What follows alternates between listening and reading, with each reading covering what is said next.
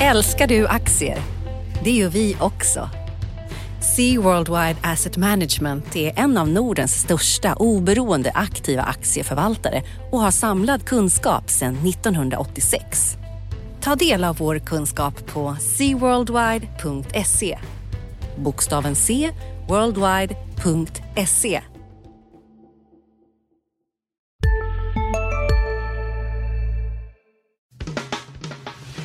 Analyspodden från Dagens Industri. Hej och välkomna till Dagens Industris analyspodd. Podden där vi går igenom de viktigaste händelserna på finansmarknaden under veckan som varit och veckan som kommer. Idag här, avsnitt 253, så är det jag, Johanna Jansson, som håller i spakarna och mitt emot mig sitter Agneta Jönsson, eller står gör du faktiskt. Precis, jag är också här idag. ja. Eh, det har ju varit som vanligt en spännande vecka. Vi står precis här och gläntar på dörren för rapportsäsongen för andra kvartalet och vi har haft den stora centralbanksveckan här bakom oss. Precis, det har varit rätt tråkigt på börsen faktiskt. Eh, även om det är nu när vi spelar in det här så är det upp 0,8 idag. Men innan i veckan så har det varit ner 2 procent och man är lite orolig. Och det är klart, då betyder det mycket vad centralbankerna säger också. Precis, för när du på... säger tråkigt, då menar inte du händelselöst, utan du menar att det är deppigt lite neråt? Precis, eller? och inte så stora rörelser och mm. inte så mycket att agera på helt enkelt. Nej. Ja men så är det. Men det som har hänt då, vad har vi fått? Vi har fått eh, nästan ett löfte då från den amerikanska centralbankschefen Jerome Powell om en räntesänkning vid Feds möte som avslutas sista juli. Och det bidrog till glada tongångar, särskilt i alla fall i USA. Precis. Där har det ju gått bra. Här har vi varit lite mer oroliga för konjunkturen och det har ju varit också lite så blandad kompott eh, från de stora bankerna där det börjar hända grejer nu i Europa. Ja, precis. Vi ska prata lite om banker, vi ska prata lite om konjunktur, vi ska prata lite räntor, lite inflation och ännu lite mer banker, kanske lite fintech också. Precis. Och så lite om veckan som kommer och verkstadsbolagen, eller hur? Det är nog vad vi hinner med faktiskt ja, idag. det är vad vi hinner med. Det låter bra. Men när det gäller räntorna, hur viktigt är det? Det är jätteviktigt för bankerna, så att säga, för man har ju haft eh, motigt nu när vi har haft eh, minusräntor här. Och det ser man ju den här lilla höjningen från minus en halv till minus 0,25 att det kickar Som Riksbanken in. har gjort. Precis, precis det mm. kickar in ganska bra på här under slutet, eh, för man har inte hunnit prisa in, det kommer ju i januari, sen har man liksom inte hunnit rulla in alla grejer. För när vi står här fredag morgon så har SEB precis eh, levererat sin kvartalsrapport precis, för andra eh, och Den var ju faktiskt bra. Den var 8 procent eh, över på rörelseresultatet mot vad analytikerna hade väntat sig. Och det var framförallt räntenettot just då eh, som var starkare än väntat. Det var eh, 3 procent högre än väntat och det är faktiskt riktigt bra för dem. Och man hade varit lite orolig för det där nu, att även om så att volymerna ökar, de ökar sin utlåning till företag och sånt så har man haft en del marginalpress och sådär. Så att, eh, men det var en bra rapport. Eh, aktien går upp på det där och eh,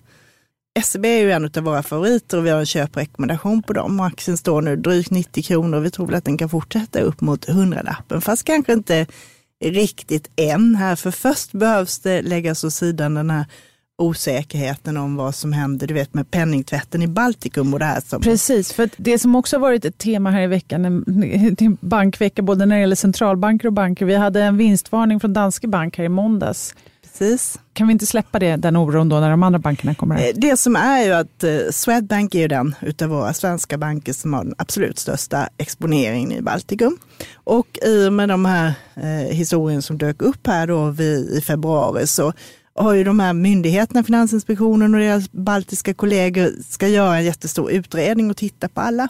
Och eftersom SEB är den som är näst störst i Baltikum då, så finns det ju en osäkerhet där, även om man, de själva är komfortabla med vad de har gjort där och hur det ser ut, så kan ju liksom ingen riktigt lova, särskilt om det är sånt som ligger en bit tillbaka i tiden. Så jag tror att det finns en rabatt kanske på upp mot 10 procent i de svenska bankerna därför att man är orolig för det. Här. Precis, ja. och det är framförallt utländska investerare som tänker då att ja, men varför ska jag köpa de här med den här risken när det finns andra där man inte har det. Mm. Men det, går, det, är, lite stökigt även på bankmarknaden i Europa kan man säga. Precis, det kan man säga. Europa, vi är i Europa också, men resten av Europa. Precis, och framförallt så är det Deutsche Bank som har haft problem i många år. Det har ju gått riktigt dåligt. Det var ju en av de största bankerna förut och de har ju tappat ungefär 70 procent utav sitt börsvärde de senaste fem åren. Och de har problem med lönsamheten. Så att i söndags kom det ett sånt här jättestort sparpaket man ska minska sina kostnader med 25 procent de närmaste åren.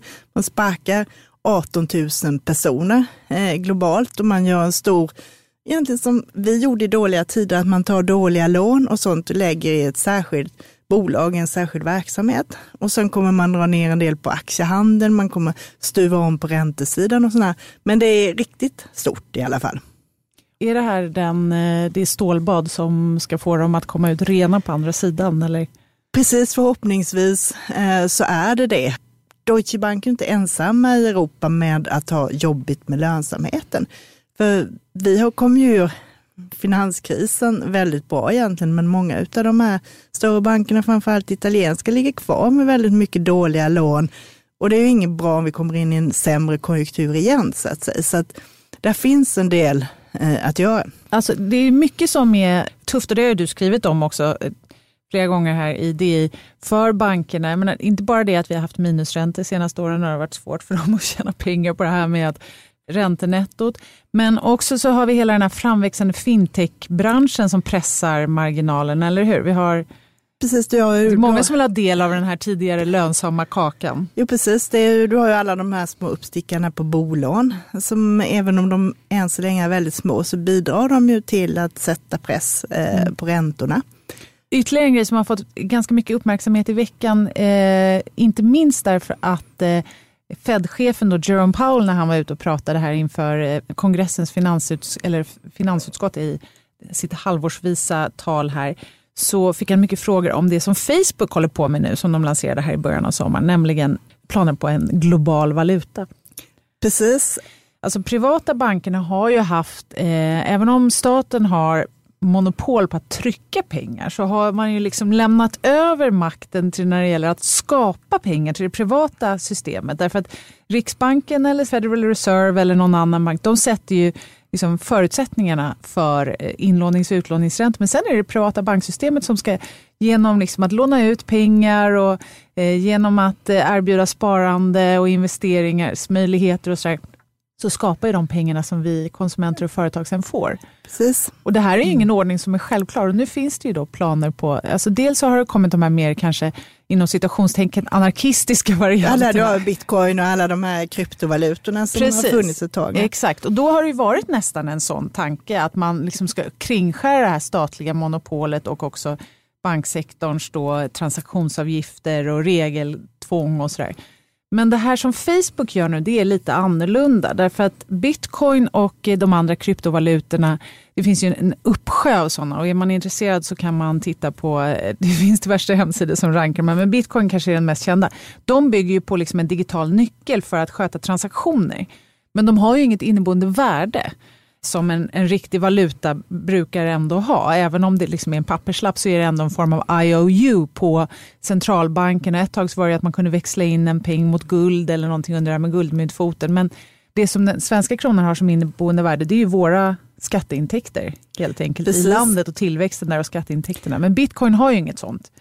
Eh, det som Facebook vill att Libra, som den här betalningsenheten då ska kallas för, den ska ha ett inneboende värde därför den ska baseras på tillgångar i olika valutor. Det här är ju liksom, säg till Så det blir som en valutakorg som stöttar den då med alla Ja, valutorna. precis. Det är en bra jämförelse. Och det har jämförts också med en typ av valutakorg som kallas för SDR som är Internationella valutafonden Special Drawing Rights som ges ut som liksom en korg då, där man ska kunna då växla in, alltså där det då ingår olika länders valutor. Så tanken är att Facebook då ska erbjuda den här globala valutan och man ska kunna då växla in den mot, då, det ska vara statsskuldsväxlar eller det ska vara bankinlåning i olika valutor som då garanteras av det här syndikatet som Precis. går ihop bakom. Och för oss låter det som en bra idé, särskilt nu om man jämför med hur svag kronan har varit så hade det varit ganska smidigt att ha lite sådana här Libra som man kunde använda då när man shoppar utomlands eller sådana här saker. Så kan man ju säga, men det här med valutor, de rör på sig. Eh, det, det, kommer de alltid att göra. Eh, och i den här libran då så ska det ingå flera valutor som inbördes rör sig mot varandra. Därför har jag väldigt svårt att se att den skulle vara mer stabil än nationell valuta. Om du tycker att den svenska kronan svajar för mycket mot andra valutor, då hade jag nog hellre köpt eh, en annan nationell valuta. Därför att det som Librans kommer sakna, som nationella valutor har, det är ju en centralbank som garanterar dess köpkraft. Och nu är det ju mycket kritik mot eh, centralbankernas penningpolitik och särskilt här i Sverige så har många vänt sig mot att Riksbanken har en så låg ränta och det låter kronan försvagas. Men poängen varför de gör det är ju för att de vill ha ett förutsägbart penningvärde på hemmaplan. En sån garant för Libras köpkraft finns ju inte. Det finns ju inte. Sen lär det ju bli jobbigt för Facebook också.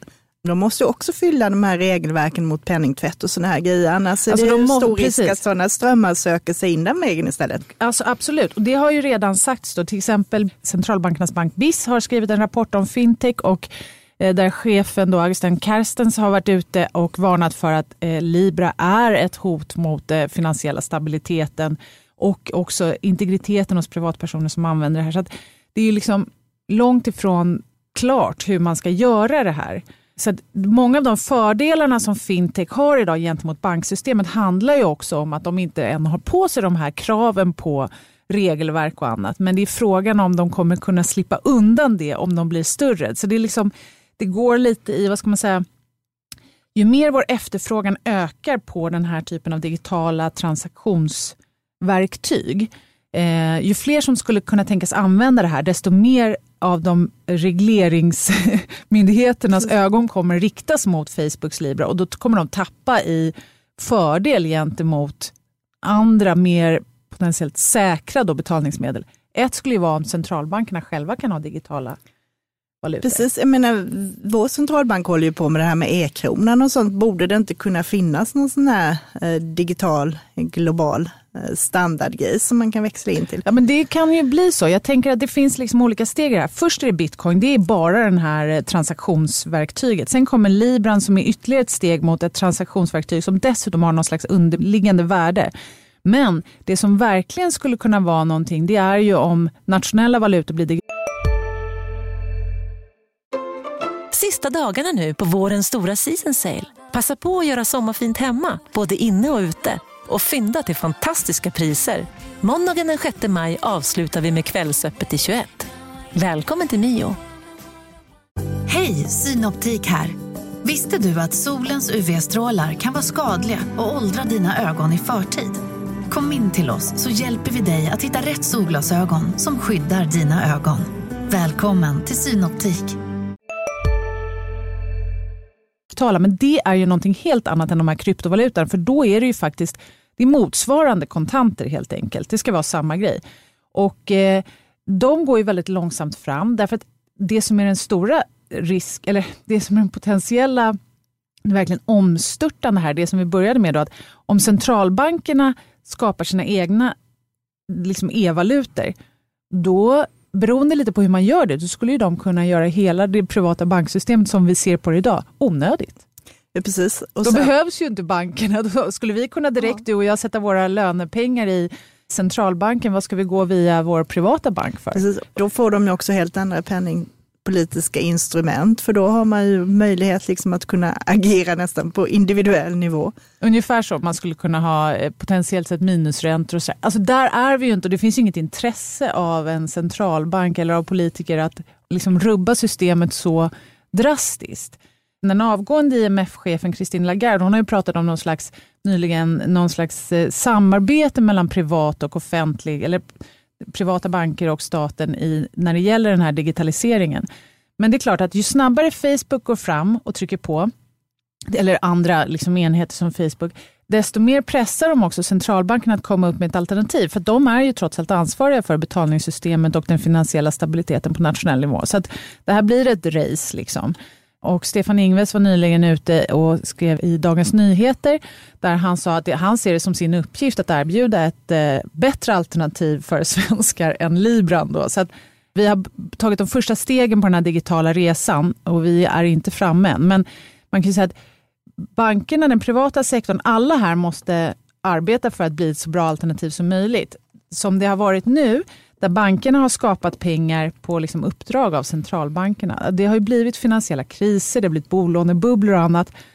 Det är någonting som inte riktigt funkar. Det skulle ju kunna försvinna om man skippade det privata banksystemet. Nu säger jag inte att man ska göra det. Så, det, det, men, det, du, får inte ta bort hela min sektor här, då har jag ingenting att göra sen. Jag ska inte ta bort någon sektor, men vad jag menar är att det gäller att alla sköter sina kort rätt för att rättfärdiga sin fortsatta existens i ett digitalt samhälle. Precis, det skulle ju inte skada med lite mer stabilitet på det området. Så att säga. Och det finns massor att läsa om det här om man är sugen på det debatten kommer fortsätta. Men som sagt, enligt då BIS, centralbankernas bank, så är digitala centralbanksvalutor närmare än vad de flesta tror. Men det ska bli intressant och vi ser ju att eh, det här som du var inne på, det är många aspekter av det här påverkar bankerna mer och mer av att stora investeringskostnader fortsätter. Den här utvecklingen går väldigt snabbt med nya tjänster, mer användarvänlighet och sådana här saker. Så att jag tror att det fortsätter att hända väldigt mycket de närmaste mm. åren. Det kommer vara fullt med grejer att skriva om, om man skriver om banker. Centralbanker som jag skriver om och banker som du skriver det om. Det känns ju skönt i alla fall. Men det finns en massa andra grejer på börsen också. Mm. Eh, och bland annat så kommer vi alla fastighetsbolagen med rapporter denna veckan och det har ju också varit väldigt starkt överlag. Det är högre hyresintäkter, det är bättre förvaltningsresultat och driftöverskott på de som har rapporterat här. Och det är klart, mycket av det har ju med de låga eh, räntorna att göra nu. Men det har ju också bidragit till att väldigt många småbolagsfonder har gått bra, där det finns en stor del fastighetsaktier också. Men nästa vecka så kommer det ju en massa andra bolag. Då blir det den största rapportveckan under den här perioden. Så då får vi väldigt mycket att skriva om som sitter och bevakar eh, bolagen här. Och ja. denna gången så är det ju Atlas Copco som är först ut bland de stora verkstadsbolagen. Och den kommer på måndag lunch.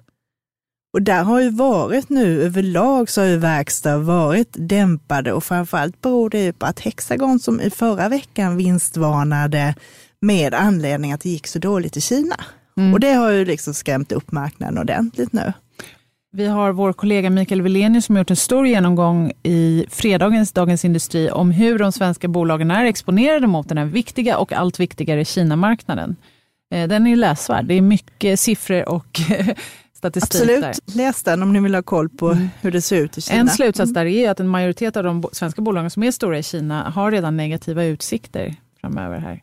Precis, och det är ganska stora mm. andelar där. Om jag inte missminner mig så Atlas Copco är ungefär en femtedel av intjäningen som kommer där. Så det är stort och viktigt. Samtidigt ska man komma ihåg att Kina har ju försökt att eh, göra mer för att hålla uppe tillväxten i den egna ekonomin ett tag. Eh, så det har, liksom, har blivit en stabilisering makromässigt. Vi fick in siffror här nyligen att eh, exporten faktiskt var starkare än väntat här under början av sommaren. Men sen är det ju det här med handelskriget såklart. Precis, och det har ju också säkert satt sina spår här och var. Om vi bara ska säga någonting snabbt om vad Fed-chefen faktiskt sa här i veckan, som ändå fick stor börspåverkan, så eh, trycker ju Fed mycket på det här med risken för handelskriget. För att om man tittar på, nu är det då en sänkning förväntat från den amerikanska centralbanken i slutet av eh, juli. Och givet makroindikatorer som arbetsmarknad, inflation, framförallt arbetsmarknad då, men också liksom inköpschefernas förtroende och sånt annat, så är det inte som det brukar vara när Fed sänker räntan. Utan eh, visst, inflationen har kommit in, den kom in nu här i veckan. Eh, den är inte låg, men man förväntar sig att den ska bli lägre. Men kärninflationen var faktiskt över 2 procent. Nu är Feds favoritmått ligger lägre som är liksom rensat för massa saker, som är det här kärn-PCE, som handlar om privatkonsumtionsdeflatorn. Men inflationen är inte superlåg och arbetsmarknaden går bra. Men man är orolig. Det blir liksom en sänkning nu skulle vara som en slags försäkring. Precis, om det är att förebygga. Så att säga. Hellre förekomma än förekomma. Så ungefär så har Jerome Powell uttryckt sig. Men det här har inte Fed gjort på väldigt länge. Men det är klart att marknaden gläds ju. Det, aktier blir relativt sett billigare när räntorna sänks. Men ska man jämföra historiskt så gjorde dåvarande Fed-chefen Alan Greenspan gjorde någonting liknande i mitten på 90-talet och även en gång till i slutet på 90-talet. Men han har ju sen kritiserats för att han blåste upp det som kom att bli Precis. bolånekrisen. Så det är inte självklart att man vill gå i hans fotspår. Nej, och det här är ju att du, rullar ju den här snöbollen framför dig hela tiden. Så att eh, kommer värderingarna upp för mycket då finns ju risken att det faktiskt blir en riktig bubbla denna gången också. Precis, man, så det skyndar långsamt. Och jag, jag tycker det är svårt att veta, för att tittar man på vad Fed har gjort de senaste åren, då har det varit en sänkning har följts av fler, att det liksom är, går som en cykel. Men skulle det vara en sån förebyggande sänkning, då kan det ju vara en eller två och sen är det färdigt. Och så var det ju då på 90-talet. Eh, men det återstår ju att se. Tittar man på räntemarknaden så, så visar ju räntebaserade mått liksom att recessionsrisken har ökat i USA. Men frågan är vad triggern ska vara till den här recessionen. Om inte högre räntor är en trigger, ja då ska det vara något annat. Ja, då kan det ju vara handelskriget. Det kan ju inte Fed ändra på. De kan inte ändra på handelskriget som sådant, men de kan ju såklart mildra effekterna eh, om det då slår mot den amerikanska arbetsmarknaden.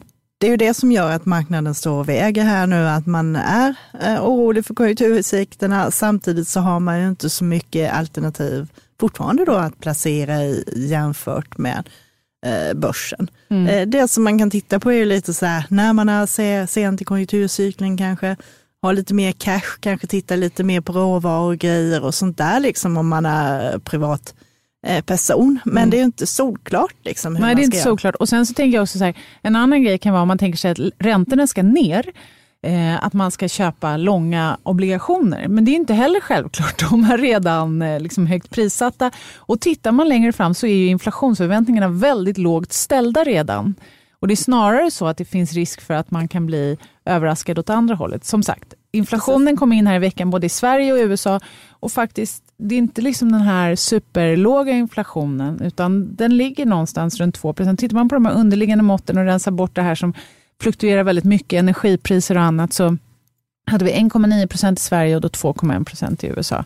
Och tittar man långsiktigt då, så ligger inflationsförväntningarna på under de nivåerna. Det var ju himla skönt om vi åtminstone kom upp eh, till 0 procent innan det blir sämre Räntan, ja, Precis. Ja. Eh, tror du att Riksbanken kan höja och gå liksom mot sina eh, kollegor här framöver? Ja, alltså nu skrev jag en kommentar här som, där rubriken blev att eh, svensk inflationsstatistik den här veckan underlättar för Riksbanken att gå emot världen. Och jag tror att det underlättar för dem att gå emot världen i så mått att de inte sänker här i närtid.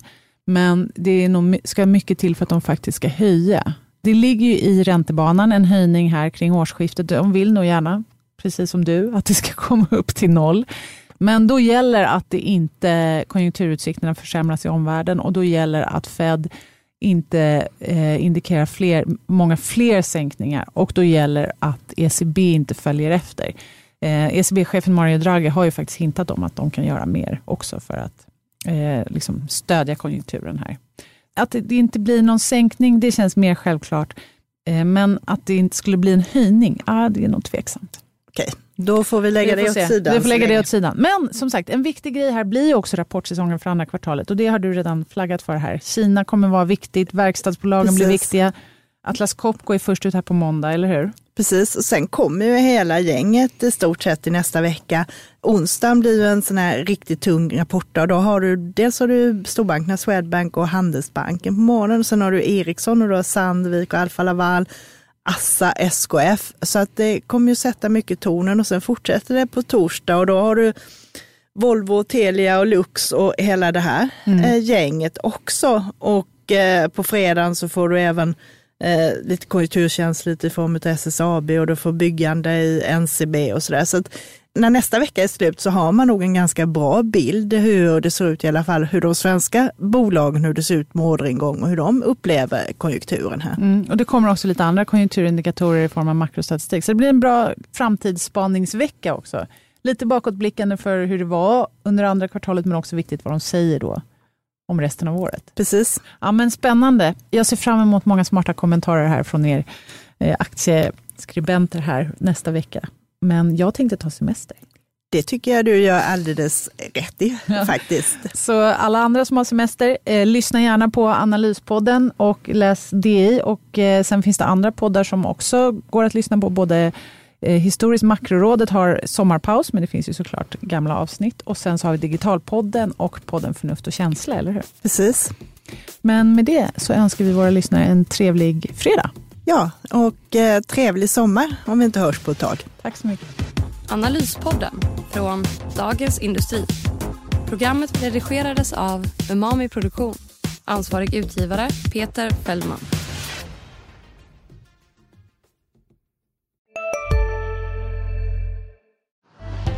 Älskar du aktier?